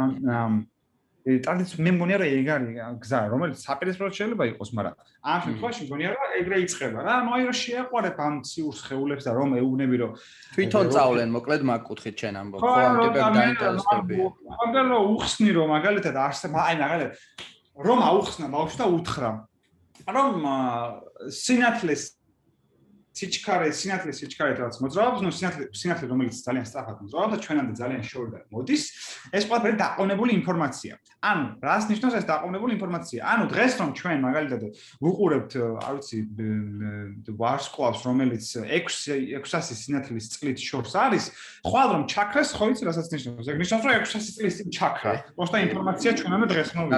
აი ხა აუხსნა, აი ხა რომ აუხსნა ბავშვს, რომ შენ ასტრონომიის სიყვარულისგან, რომ ასტროფოტოგრაფია არის ის ხელოვნება, რომელიც წარსულის ფოტოგრაფია. ხო, ანუ ეგ ხო ძალიან საინტერესო. მე რო ეგ თავიდან გავიაზრე, რომ რაღაცას ასაც ვუღებ, შეიძლება პროსტა აღარ არსებობდეს. და ეს ვერც კი გავიგო რომ აღარ არსებობს. ანუ რეალობისგიზე ხო, რეალობის გადაღება ხო, ანუ ფოტოგრაფია ხო არის რეალობის აღბიჭვა. კი. ეს რეალობის აღბიჭვა. შემოგზაურობა რაღაც დონეზე. ხო, ანუ აღარ არის, იმიტომ რომ აი მაგალითად ჰაბლი რასაც უღებს, აი pillars of creation, აი ესე ქვია, არ ვიცი, ანუ შემოქმედის სვეტები თუ რაღაცა ეგრე ითარგმნება, ალბათ ეგრე ითარგმნება ქართულად. ანუ ეგ ნისლეული pillars of creation, რომელიცაც ჰაბლი პირველი ძალიან ცნობილი ფოტოა ჰაბლის, ჰაბლის პალეტით გადაღებული ფოტოა, ჰაბლის ჰაბლის ფერებით. აა ეგ სუპერმასიური არსებობს იქ რა ქვია ესა უბრალოდ ვარსკვლავი აფეთქდა რა სუპერმასიური ვარსკვლავი აფეთქდა და ნუ ეს ეს ნისლი ნისლი რა წყვე ეს გაზები გაფანტა რა ანუ დღევანდელი ჩვენი ცოდნით ვიცით რომ ეგ აღარ არსებობს, მაგრამ რო შეხედავ იქ არის. просто ვიცით რომ აღარ არის. და ეგ რანაირია რომ დაფიქრდე რა წარხულში იხედები, ანუ რა სიგიჟია. ანუ 600 წლის წინ რო გეტრო რო გახვიდე შორს და დედამიწას რო შეხედა, შენ და მე არ ვიქნებით ჯერ ამ პოდკასტს არ ვწერთ რა, ალბათ აი ჩინგისხანი იქნება, ჩინგისო იქნება. აბა ეგ პერიოდი. ეგ პერიოდი, ანუ მაგას რო ეგრე რო აუხსნა ეს სასაცილო საყვარლად, ანუ ესე რო შეასწავლა ალბათ მე უფრო დაინტერესებს რა და ძალიან საინტერესო და მაგარი არის თუნ ეს პროცესი და ანუ შეიძლება ყველას არა მაგრამ რავი 10-დან 200 შეაყვარო ეგეც ხო საქმეა ანუ კი კი კი. კი აი ალსაიგანს აქვს მაგაზე ნათქვამი აი გაგრას თემატურია მე მგონი რომ აა ეს რაღაც აქვს და არ მაქვს როგორ მაგრამ მე მგონი ესე აყოს რომ შევედიო რომ შეხვიდეო რა სიტყვაზე დაწყებით კლასებშიო და ბავშვებს რო ეკითხებიო სწორედ რა გაინტერესებს რაღაცა ისეთ შეკითხვები აქვს თო რა რა ის თქო და მეც რო არა მაქვს ეხაო პასუხიო რა რაღაც სიტყვაზე ეს ის როგორ მუშაობს ის როგორ მუშაობს და მე სიტყვაზე რო შედიხარო უფრო აი 10 წლით უფროსებთან და რაღაცა კურს დამთავრებულებთან რომ უკვე ვაფშე სხვა თემები აინტერესებთო ვაფშე აღარ აინტერესებთო ეგო სიტყვაზე რა იმიტომ რომ განაიციან უბრალოდ არ აინტერესებთო ეგ და არიან ძალიან თავისი რაღაცა ვიწრო ესე თქვა თავის პროფესიით რომელიც იმის გარეთ უმეტესობა აღარ იყურება ხო? და ნუ რაღაც აი ეგ მომენტია რა, ანუ შენ შეიძლება კონდეს რა თქმა უნდა და ბევრს მოგონდეს კიდევაც რა თქმა უნდა თავის პროფესია, უბრალოდ აი რაღაც ზოგადი ინფორმაცია და რო არ გაინტერესებს შენ გამო რა, შენ გარშემო რა ხდება, ხო? ნუ შესაბამისად ეგ სეიგანის ეგ ფრაზა კაკრას ეგონია, რომ სეიგანის ეგ ფრაზა ანუ საერთოდ არის განათლების სისტემის მიმართულებით ნათქვამი ნათქვამია, იმიტომ რომ ანუ მაგით მე ხო წამიკითხავს ეგ და რაც მაშინ ვიფიქრე, რეალურად ეგ იყო რა, რომ ბავშვობაში გიყვარს ანუ ასტრონომი გინდა გამოხვიდე, კოსმონავტი გინდა გამოხვიდე და აუ მე 10 კლასში უკვე კოსმონავტი კი არა, ანუ გეზიზღება აბსოლუტურად ყველაფერი, რასაც სკოლაში გასწავლიან, მათემატიკის დანახვა არ გინდა, იმიტომ რომ რაღაცა რაღაცა აგაზებირებინა, ასტრონომია საერთოდ არ გისწავლია რა კოსმონავტი და რა მეცნიერი და რა რა ის ანუ ეგ ამიტომ ხო ისევ მაგრამ აუ კი არის ბანალური რაღაცა მაგრამ რა გავაკეთოთ? ეგრეა რა ანუ გამართლა უნდა ბავშვებიდან უნდა ღვთისმიერი რაღაცა გამოჩნდეს რავი ხო აი შენ სხვა ეს რა სამწუხაროა რომ ყოველას გვაქვს ეგ რომ ერთი მასწავლებელი რო არსებობს მარტო რომელიც მაგარი იყო ჩვენ ცხოვრებაში და რაღაცა რო გვასწავლა რომ ეგეთი უნდა იყოს ბევრი რამ განათლების სისტემის თელი ისა რომ რაღაცნაირად მოახერხოს აი ამ სამეცნიერო კუთხით დააინტერესოს ბავშვები რომელიც მერე თავისი თავისი თკი თავისი თვა შეძლებენ აი ამ ახალი გზის გაჭრას და წავსვას იქეთ ასტროფოტოგრაფია იქნება ეს თუ რავი ასტრონომია იქნება და ამის სიყვარული ზოგადად მეცნიერებების კი ბატონო ხო, არა, ეგ ეგ არის რა, ანუ გარდა იმისა, რომ ადამიანი შეიძლება შენ არ იყოს სიტყვაზე უშუალო და ამ თემას ჩართული და ამას საქმემდე, როდესაც შენ თვითონ გაქვს რაღაც დონეზე ამას საბაზისაც ან ინტერესს, ხო?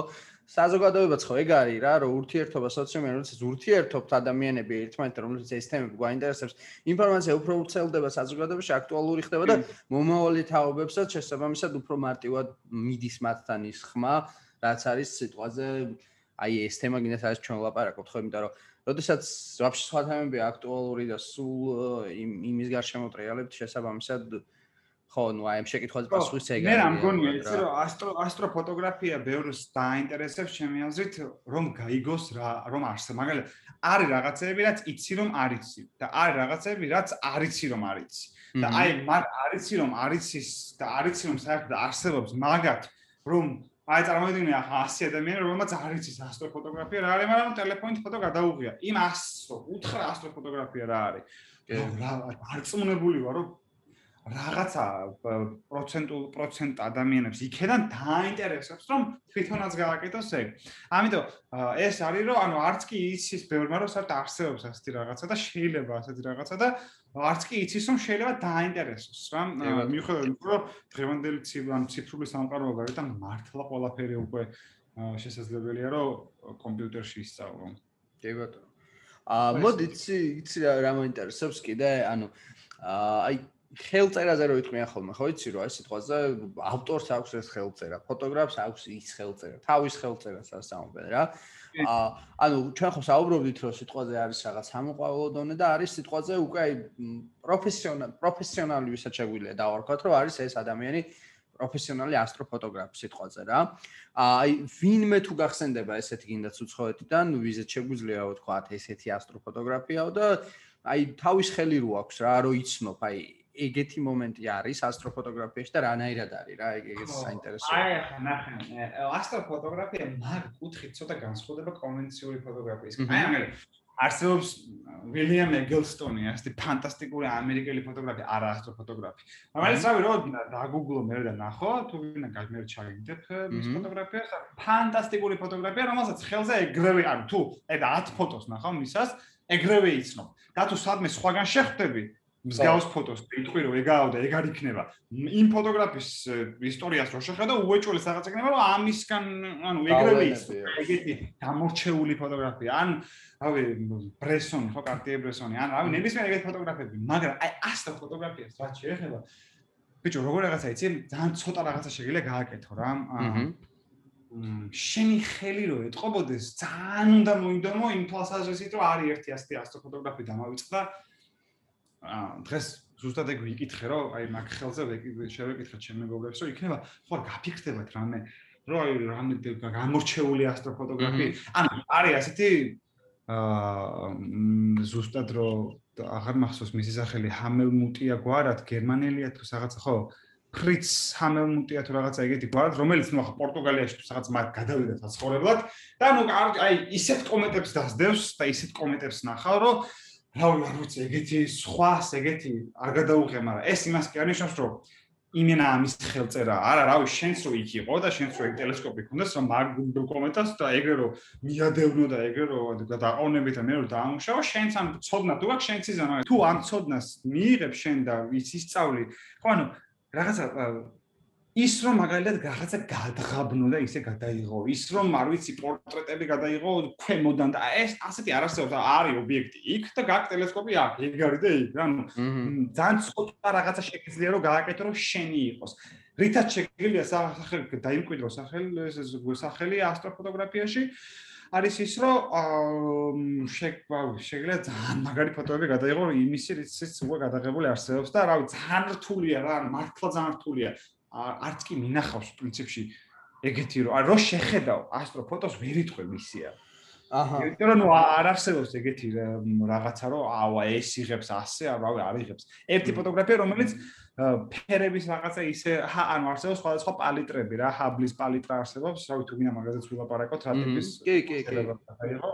რომელიც ნუ დაახლოებით ჰაბლის პალიტრის რაღაცა მოდიფიცირებულ ფერებს აკეთებს და რაღაცა თავისებურად შეება და ნუ ალბათ ეგ არის ერთი განსხვავებული, თორე სხვა დანარჩენი რავი რა, ბევრი საათის გადაღება, კარგად დამუშავება, კარგად მარსებული მასალიც კარგად დამუშავება და რავი ბოლოს ეგ არის შენი ფოტო რა ეგ რა სახელის დამკვიდრება და მე ვარ ასეთი და ეს ეს უჭრი ესა მაგას ვერ ვერ იტყვი რა ალბათ და დამეთანხმებიან ალბათ სხვა ასტროფოტოგრაფი. კი ბატონო. და აი კომერციულადაც როგორ არის ამ კუთხით ანუ შეგიძლია სიტყვა ადამიანს რომ ანუ ეს იყო შენი პროფესია და ამით ცხოვრობდე რა ანუ შემოსავლის კუთხით რომ იყო უზრუნველყოფილი პირობით არის.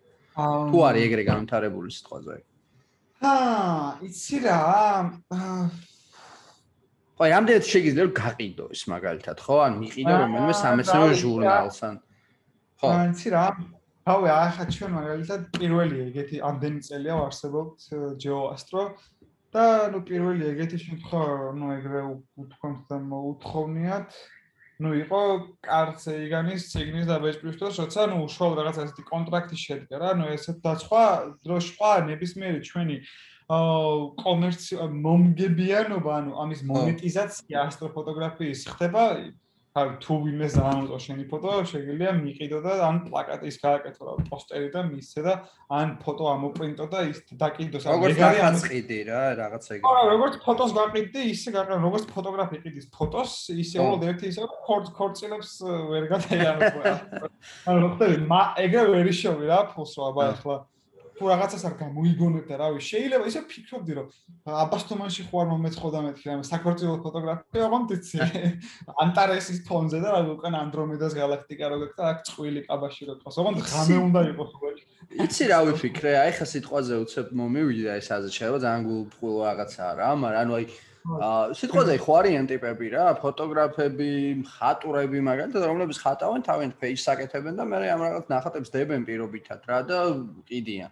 ხო და აი ეგეთი რაღაც რო მოხოდო ადამიანმა და დადო ეს შენ ისინი და გაყიდო რა მე მგონია რომ ბევრი ვიღაც უნდა გამოჩნდეს ვინც იხილის არა? ანუ აა ფოტოებს? ხო არ არ გონია ეგრე ბიჭო, რავი, ჩემი არსებული გამოცდილებიდან გამომდინარე, არ არ კიდე ბიჭო Google-ის ფაქტორია მან სიტყვაზე, რომ შემიძლია Google-ში შევიდე და რაღაც ავიღო იგივე პონტი სიტყვაზე. ბიჭო, არა, ნუ ხო არა, ანუ Google-ში შეგიძლია, ხო, მაგრამ Google-ში ახლა ყაზბეგის ფოტოს ეგრე ვერ ხო, აი ეგა, ხო, კი ბატონო. ხო, ანუ ქართული ამბავი, აბასთუმის ფოტო, რავი, ჩემი გადაღებული და ჩემი მეგობრების გადაღებული თუ დევს თორე ახლა სხვაგან ახლა ბევრს არ შეუწუხებია თავი აბასთუმის ობსერვატორია გადაიღო იმის ნახტომთან ერთად, მაგრამ აა იცი რა ასტროფოტოგრაფია რანერი ფოტოგრაფია იცი რომ ამის მნიშვნელობას და ღირებულებას აა არ არის ეგეთი მასიური რა ანუ ხო რო ვიღაცა დადგეს და ანუ გაიყიდოს როგორც ეიფელის კოშკის ფოტო ეგრე არის არ იყიდება. ხო, მასიური არ არის, მაგრამ რაღაც დონეზე შეიძლება. ეხლა ჩვენ მაინც მე მგონი საუბრობთ ქართული გამოსწრებიდან, ხა აი ქართული გამოსწრებას ხა მაგალითად რო ვთქვა, აი წერლებზე რო წავიდეთ, ხო? რო ქვია საქართველოს პირობითად მწერალი ხარ, შეიძლება ორ წელიწადში ერთხელ და წიგნს ხო სიტყვას. პირობით რა. ხა ნუ თვეში ერთხელ ხო ვერ დაწერ წიგნს ანუ ორ წელიწადში ერთხელ ერთი ტირაჟი რო იყიდება და აჰა მაქსიმუმ იმაზე გახვედი რა ქვია. რეპრინტზე გახვედი შეიძლება შემოგივიდეს 1000 ლარი ხო? ანუ ანუ ქართულ ბაზარზე თუ ტრიალებს სიტყვაზე რა ეხლა ქართული ავტორები მithumetes დამწყები ახალგაზრდა ეგრევე ზართულია რომ გააღწიო და შესაბამისად ვერიცხოვრებ ხო ამით საქართველოში, მაგრამ ხო არის ამ წერილები და ძალიან ბევრი ოცხაჭი რომელიც აქ ცხოვრობენ. ხო და რა ვიცი, იქნებ სოფლიოში არის ეს პრეცედენტი. თუ რა ეგ ეგ შეკითხვა უფრო გამიჩნდა ხა რა, რომ შეიძლება ჩვენთან არ იყოს ეგ და უცხოჩი ხო ბაზარის დიდია. აქ თუ სიტყვაზე 3 მილიონი ადამიანია და აქედან რაღაცა 0.0 რაღაც პროცენტს აინტერესებს ეს თემა, ჩინეთში რო ეგ აინტერესებდეს 0.00 რაღაცა შეიძლება იყოს 5 მილიონი ან კიდე მეტი რა ანუ აი არ ვიცი. ხო ბუჭო ეგ მართალია მაგაში კი მართალია. პროსტა მე რასაც უყურებ ხო არა ხა ასტროფოტოგრაფების სხვადასხვა ჯგუფები Facebook ხო. ყველა ინტერესის სფეროს თავისი ჯგუფი აქვს. რა BMW-ს და Mercedes-ს თუ ასტროფოტოგრაფიასაც აქვს ხო? და კარჩე რა ხდება ხა ნახე უმეტესობა ადამიანი ვინც ასტროფოტოს იღებს ბიჭო რავი უმეტესობა გათგანი სხვა რაღაცასაც აკეთებს თან რა სხვა სამსახურიცაა კი ბატონო. აა ამიტომ აი ესე სრულ განაკვეთია ასტროფოტოგრაფობა ძალიან იშვიათი. ეგეთი მე არ შემხვედრია და არ მინახავს. ხო. უფრო არის სამყვა ის არის რაც ძალიან გიყვარს დააკეთებ და ეს საერთაშორისო ბაზარზეც ვსაუბრობთ, ხო? ანუ არა მარტო საერთაშორისო ბაზარზეც ვსაუბრობთ. კი, რავი, არა რაღაცები შეიძლება რომ გააყიდო, ვიღაცა შეიძლება ერთი ორ ჟურნალისტის რაღაცა დააჭირდეს, ან რავი 1000-ში ერთხელ, ანუ თან ასტროფოტოგრაფია ხო როგორ რაღაცა ერთ-ერთი ობიექტია ხო ხო არის ცვლება ეს ხო. აუ რა ანუ მაგალითად აი ახლა მე რომ აი ახლა მაგალითად ფოტო პროექტზე რაღაცაზე მუშაობ, ეს არის ისეთი რაღაცა, რომელიც არის საინტერესო, იმიტომ რომ იქ ხალხია, იქ კულტურა, ეს კულტურა იცვლება, ეს ხალხი იცვლება და სანამ ღრმაც ცაში რამე შეიცვლება, შენ ცოცხალი აღარ იქნება, მაგალითად, შენ კიდე შენი შულტაშვილი არ იქნება ცოცხალი, რომ გაიგებს საერთოდ რა ეს რამე შეიცვალა. ერთ და იგივე რაღაცა, ამიტომ რამდენჯერ უნდა გაყიდო ახლა ანუ რამდენი ჟურნალ რა უნდა ბეჭდავდეს ასე ყოველ დღე რო ჭირდებოდეს? აი აქციებს რო იღებ ყოველ დღე ხდება ყოველ დღე სხვა აქცია რომ ასტროფოტოგრა ორიონის ისეული ბუშჩანს ეგეთი იყო ხვალაც ეგეთი იქნება და დღესაც ეგეთია და რა უნდა ქნა ამიტომ ამიტომ ასეთი full time ანუ ეს სულ განაკვეცი ასტროფოტოგრაფობა რა ვიცი ცოტა არა არა კომერციული არც მოხავს ეგეთი რაღაც. ხო კი ბატონო კი ბატონო რო ეს ამ გიყვარს და სხვა რაღაცას აკეთებ და სხვა რაღაცას აკეთებ იმით ყიდულობ მე ამ ჯურიან აღჭურვილობას. აჰა კი ბატონო. ხო, არა, ეგ ეგ ეგ საინტერესოა მაინც ეს აი მე მგონია რომ მაინც ვიღაცები შეიძლება არსებობდნენ რომლებსაც აქვთ პეიჯები და რაღაც დონეზე რაღაცებს ყიდიან, ვიღაც ტიპებს ყიდიან მაგალითად რა, ანუ აი სიტყვაზე ვიღაც ტიპი ვარ მე მე მაგალითად არასდროს აი მე ხო, აი მე მაგალითად არასდროს არ გამჩენია სრული, მე ყიდა ნახატი, აი ნახატი. ან ფოტო, პროსტა ფოტო რა, არასდროს არ გამჩენია მაგის სრული და აი ეგეთ რაღაცა სიტყვაზე რომ გამჩენოდა ის სიტყვაზე რომ რაღაც მოდიან ნახაც ამ ფოტოს ვიყიდე, აი ეგეც უეჭველი ვიყიდე. თუ გამიჩნდებოდა სიტყვაზე ვამფრა და გონია რა ვიღაცები მაინც მოკლე დედამიწა აი დიდია და ბევრი ადამიანია ძალიან და გონია რომ რაღაც დონეზე ვიღაცები იქნებია ვინც ამას იყიდიან. არ ვიცი, შეიძლება ძალიან ოპტიმისტურად. კი, როგორ არა, არიან ეგეთები, მაგრამ ნუ ბიჭო. მაქანდე მისვლაც უნდა, ხო. მაქანდე მისვლაც, ანუ აი ახლა შენ ძალიან კარგად იცი, შენი სამეგობრო წვევი ვინ არის? რომელიც და ძალიან ახლოსაა ჩემს ინტერნეტ სამეგობროზე მაქვს საუბარი. Facebook-ში ხო? იცი რომელი მიდანარჩოს რა ქვია საქართველოს რა კონტინენტს მიეკუთვნებით ჩვენ.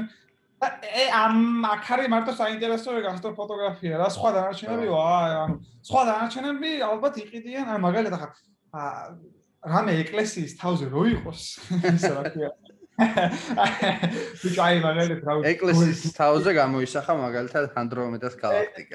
ხო, ეკლესიის თავზე რო იყოს, უფრო მეტი შანსი გაქვს რა. აი მაგალითად ღამის გერგეტის ფოტო რო იყოს, ხო, უფრო მეტი შანსი გაქვს რა, მაგრამ აი ესე просто ლამაზი ყაზბეგის ყინვარწვერი და თან რა ვიცი კომენტა ნეოვაიზი რომელიც აქ დაფრინავს და ნუ აი ბექამ გადაიღო ხო ეს ყინვარწვერთან ნეოვაიზი კომენტი რავი რა სამკაც აინტერესებს და ის სამა კი იყიდა და აქ ეგრე ვიცი ვინც ეგრე შეიძლება ყველა დაგიხვალო და ყველა ადამიანი გითხრა ვისაც ასტროფოტო აქვს სახლში იმიტომ რომ ან მე ჩვენ ანუ მაგალითად ჩვენ მიგვიცია ეგ ასტროფოტოები ანუ სხვაგან სხვაგან ვერ შოვი ახლა რეალურად ეგ ეგრე მარტო ჩვენ ვაკეთებ და რა ერთი ორი ადამიანი ვიცი ვინც ჯეოასტროში არა და ასტროფოტოებს იღებს რა.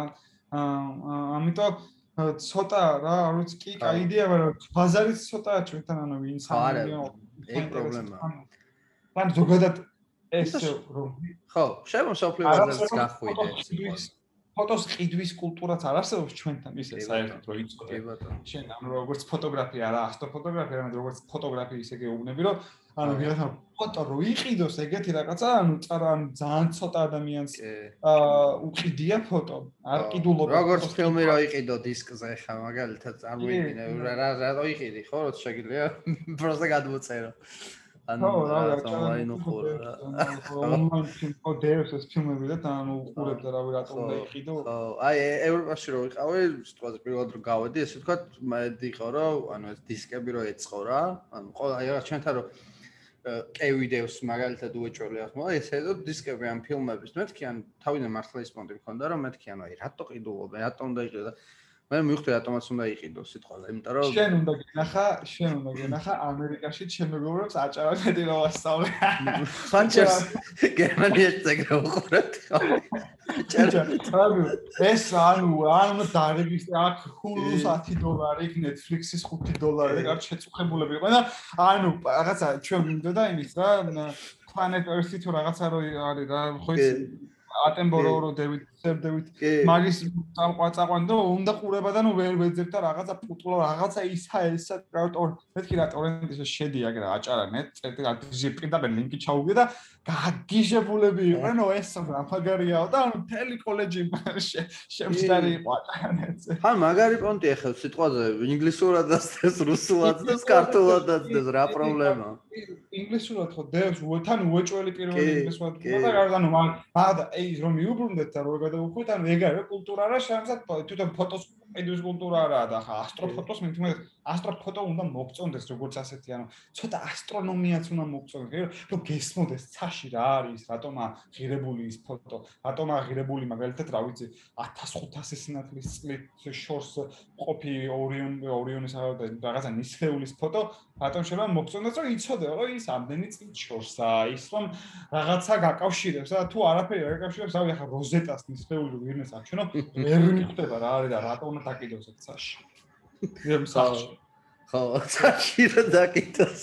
შეიძლება შეიძლება ძალიან დიწრო კიდო და ცაში რო კიდე რა ყველა ყველა უნდა დაინახოს ისე და ამაზე რომ მიგაჩნი ცის რაღაც იმას რო კიდულობ რაღაც კვადრატულს და იქ რო კიდევს შეგეც აა რა შეიძლება ხო რაღაც დასვი მგონი ასეთი კითხვა და ასტროფოტოგრაფია როგორ ვითარდება? ბიჭო ძალიან პრობლემები ექნება ასტროფოტოგრაფიას რაც ტექნოლოგიური პროგრესი ვინ რამდენადაც განვითარდა იმენად სუდია იმიტომ რომ ძალიან ბევრი სატელიტია ცაში გაშვებული რა და ეს ახლა მასკი ხო გეგმავს კიდე 9 სატელიტი კი სტარლინკი აუ ანუ იცი რა ხდება ცაში მე მაგ ფოტოსაც ჩაგიგდებ რომ დაახლოებით ნახო. ცას უღებ და უცებ ნახო რომ 1500 ხაზია შენს ფოტოში. აჰა. ანუ ეს ხაზი რა ეს ერთი სატელიტი ჩაიარა ისე გამოჩნდა ერთი სატელიტი ჩაიარა ასე გამოჩნდა და ანუ პროსტა ხაზები რა შეიძლება რაღაცა ფოტოზე იყიდა და ვარსკვლავ გროვას უღებ და 700 ხაზია გადასმული ფოტოზე ანუ პროსტა ხაზებია დასმული რა და ეგ არის სატელიტები რომ მიდის ბევრი ცაში, მაგიტო. LED-გან LED განათება რაც არის, LED განათება საშინელებაა, იმიტომ რომ ვერაფერს ვერ უშვები მაგას და უოჭველი შენ ფილტრიც რომ დაამაგრო, მაინც შემოდის და მარკუთხითაც საშინელება. ჩვენ მაგალითად აი ბაზალეცე ობსერვატორიაში რა გუშინს ძალიან ხელს? ხო. ჩვენგან ჩვენგან ოდნავ იქეთ არის ძალიან დიდი ჯვარი აღმართული რომელსაც ლედ განათება აქვს შემოკლი და ცას როგორ ანათებს იცი? სულ გიო რაღაცა და ჩაკ გადააფარეთ რაღაცა ცოტა გადაან ცოტა რომ ჩაუქრო და დაუწიონ რაღაცა. ანუ აი ეგეთი რაღაცებია ცაში გაშვებული ისინი ძალიან პრობლემას უქმნის უკვე აქედან განათება, აქედან გადაღებას, მაგალითად. ეგ პრობლემაც არის. ამ პროგრესთან ერთად ხო, აი ეგ ბოლოსკენ რეალურად აი ხნა ბოლოსკენს მივდივართ, აი ეგ ეგ შეკითხვა მქონდა ხა რა ჩვენ თვითონ თქვი რეალურად, რომ ანუ რა პერსპექტივები აქვს რა ზოგადად ასტროფოტოგრაფიას თქო და ანუ მაგ კუთხით თუ თუ შევხედავთ სიტყვაზე და ეს რავი სატელიტები ხო მოიმატებს და არიკლებს ხო წესით რაც უფრო გამთარდება ტექნოლოგიები და რამდენად შეიძლება საერთოდ რომ მომავალში იასებოს ამან? გინდას აი ამ სახე ხო ერთი რაღაცის ძალიან კარგად ვერა მოთხოვნა მიწოდების ამბავია და მან და პროსტა არსებობს აპლიკაციები რომლებიც ანუ ცოტა მეტი შრომის შედეგად ანუ აიდენტიფიცირებს სატელიტი რომელია და იმას აშორებს მაგრამ ანუ ეს მოშორება ანუ მოშორება რო გჭირდება როგორ არის იცი? პროგრამის ამბავია ანუ შენ მაგას ამბავ. სულ ხო არ არის სულ ხო არ არის ცაში შეიძლება ერთ კადრში ჩაგირბინოს მაგრამ დანარჩენ 100 კადრში არ ყავდეს სატელიტი და თუ ისე მოხდა რომ ყველგან სატელიტია და მასკის არ იყოს რეკლამები უნდა იყოს საში? ნუ მაშინ ახლა ვერ გადავიღებ მაგრამ ახლა სატელიტი ერთ გაო ჩაგიფრენს მეორე ფოტოში არ არის და უკვე რავი 100 ფოტო რო აქვს აპლიკაციას მაგალითად მაგის არის pix pix inside ასეთი აპლიკაცია 600 დოლარიღებს ეგ აპლიკაციას ფოტოშოპის არსებობს უფასო აპლიკაციები რომლებითაც შეგიძლია ასტროფოტოები დაამუშავო შეგიძლია ფოტოშოპითაც დაამუშავო ფოტოები ანუ რო შეაწეპო ხო პრინციპი ხო ისაა რომ ბევრ ფოტოს იღებ რომელსაც აწეპებ მე ერთმანეთს. 1000 კადრს იღებ რომ თითო 30 წამია რომ შეაწეპო მე ისინი და აქედან გამოვიდეს ანუ აქედან გამოვიდეს მე რაღაცა ფოტო. ხო. ა როცა პროგრამა ხედავს რომ რავი 100-დან რაღაცა 10 კადრში არის რაღაცა ხაზი ხვდება რომ ის ხაზი იქ არ უნდა იყოს და თვითონვე არ ხელოვნური ინტელექტი მაგას უკვე აგვარებს რა და ამიტომ პროსტა ის არის რა, პრობლემას გიქრის, მაგრამ მოუგვარებელიც არ არის ეს პრობლემა. ანუ მოკლედ ტექნოლოგიები თუ მაგითხა, მაგ კუთხით რაღაც პრობლემას ქონს, სიტყვა და AI-ს შეუძლია რომ ეს პრობლემა რაღაცა ისე ტექნოლოგიები გიგვარებს მაგ პრობლემას. ხო, ანუ მაკრო საფრთხეებად არ შეიძლება დაემუქროს, ხო ალბათ. ჯერჯერობით ყოველ შემთხვევაში არა რა, ანუ რავი შესაძლებელია ჯერჯერობით სატელიტი თუ გაიჩიტება უცებ იმაში რო ხერ ფოტოში. მეორე ფოტოში არა და ნუ მეორე ხდება და უკვე იმას აშორებს, რა თავის აშორებს. აჰა. კი ბატონო. ხო აი მოდ მოდი აი სუბოლსკენ რაღაც ან ის ის ის თიკუთხი ჩავხერეთ ამას რაღაცა ფუტურისტულად რა. ანუ აი როგორ შეიძლება იყოს პირობითად ვამბობ, ძალიან თუ გიფიქრე ამაზე, არ ვიცი, ეს თქო და ეს შორეული მომავლის ასტროფოტოგრაფია, აი რაღაც დონეზე რა, რანაირად შეიძლება გამითარდეს, როგორ წარმოგიდგენია რა. გინ ტექნოლოგიური შესაძლებლობები გინ იმით რომ სიტყვაზე ვიღაცამ უბრალოდ დატოვონ ხოლმე ვაფშე დედამიწა და ისე გადაიღონ სიტყვაზე ხო? აი რავი, როგორ წარმოგიდგენ? თუ გიფიქრია მაგას, ერთ როგორ შეიძლება? რა ვიცი რა, რავი, აი ჰაბლი ახლა რა შესაკეთებს, ხო ჰაბლი? კი ბატონო. ასტროფოტოგრაფიითაა დაკავებული. კი ბატონო. რავი, რა, ანუ ჯერ ალბათ მარტო მდიდრები შეძლებენ მაგას, მაგრამ რავი, შენი ჰაბლი რო გაუშვა და იმას რო გადააღებინოთ საში, სადაც ანუ კოსმოსში, სადაც ნული დაბინძურება გაქვს საერთოდ რამის, რა, ანუ ორბიტაზე გაუშვა და მან ყავდეს შენი პირადი ჰაბლი და ტელესკოპი, რომელთაც ცოტა ძვირია ეგ ახლა ახლა მაგიტომ სწორად ახსენებ ფოტოისტული. ხო.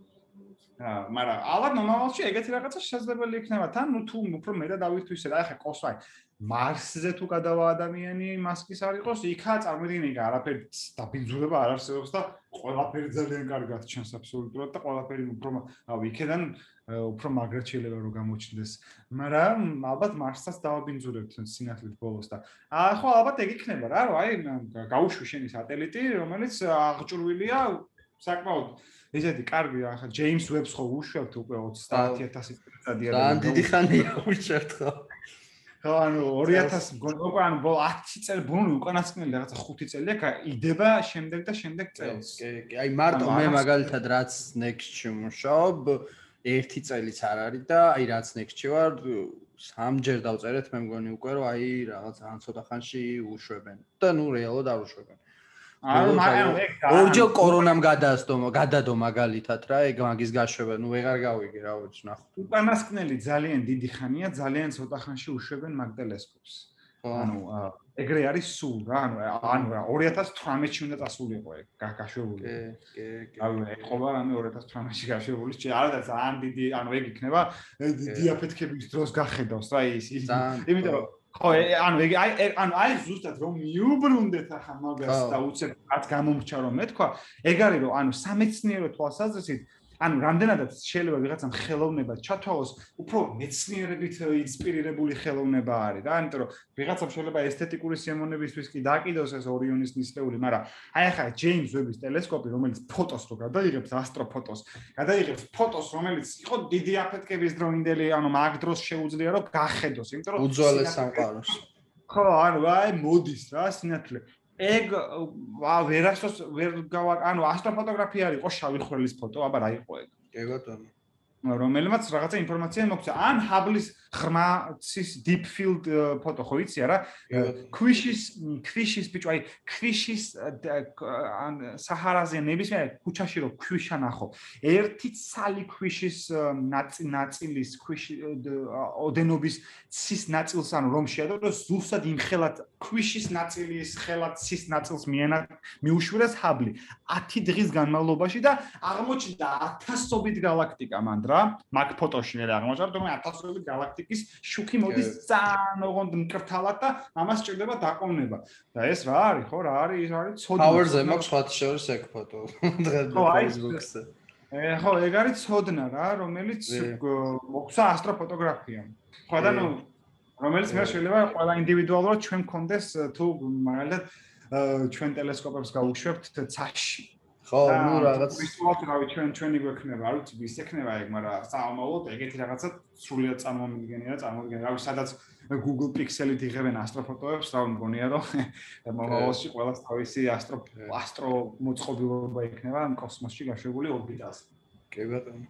ხო, რა ვიცი, მე მგონი, მე მგონი ეგ არის დღევანდელი ჩვენი ასე ვთქვათ პოდკასტი.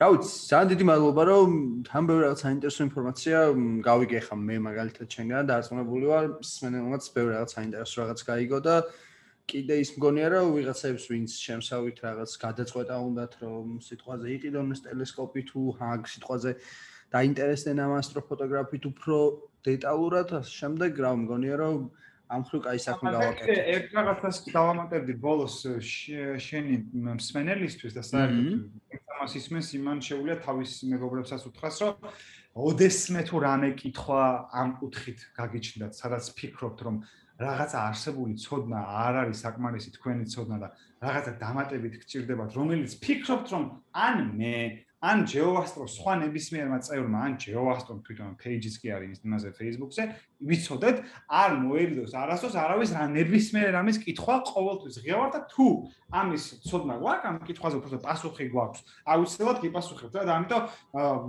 თუ რამე ვერ გაიგეთ, მე დარწმუნებული ვარ ამ პოდკასტის მსმენელები YouTube-შიც ნახავენ ყველაფერს და ინტერნეტშიც მოიძებენ, მაგრამ თუ უშუალოდ მართლა ვერ გაიგეთ და რა ვიცი, უმარტ ისე მოხდა რომ ვერ ნახეთ, არ არის მაგით და უბრალოდ პირდაპირ გამოცდილება გაზიარება გინდათ, აა არსებობს GeoAstros page გვაქვს Facebook-ზე, შეგიძლიათ იქ მოწეროთ, ან რავი ინდივიდუალურად ან მე მომწერო, კითხეთ და რა ყოველთვის ღია ვარ და მზად ვარ, რომ ეს ცოდნა გაგიზიაროთ, გაგუზიაროთ ყველას, ვისაც სურს, რომ რამე ისწავლოს. კი ბატონო, ხო და ნუ გარდა იმისა, რომ სიტყვაზე ადამიანმა შეიძლება თვითონ ყველაფერი გაიგოს, კომუნის ფაქტორიც არის, ხო, რომ რაღაცა როცა რაღაც იწებ, გინდა რომ რაღაც სტრესში მოხვდე და მაგხრივ თუ ღია ხართ, ეგ ძალიან კარგია და რა ვიცი, კარგ აკეთებ მაგხრივადაც, რა ჩემი ასეთ. აა, მოკლედ, მადლობა შენ კიდევ ერთხელ და რა ვიცი, აბა, მადლობა რომ მომდამიძახე და ასე საინტერესო ვილაპარაკეთ. საათ ნახევარზე მეტი კი არის რა სხვა ვარ. კი, მე მგონი საათ ნახევარზე მეტი არ და შენ ამბობდი რომ შეიძლება ერთ საათიო ვერ ვილაპარაკოთ ამ თემაზე, მაგრამ როგორც ჩანს, მეტიც გამოვიდა. კაი, ძალიან დიდი მადლობა მოკლედ და რა ვიცი, დაგიშვებები.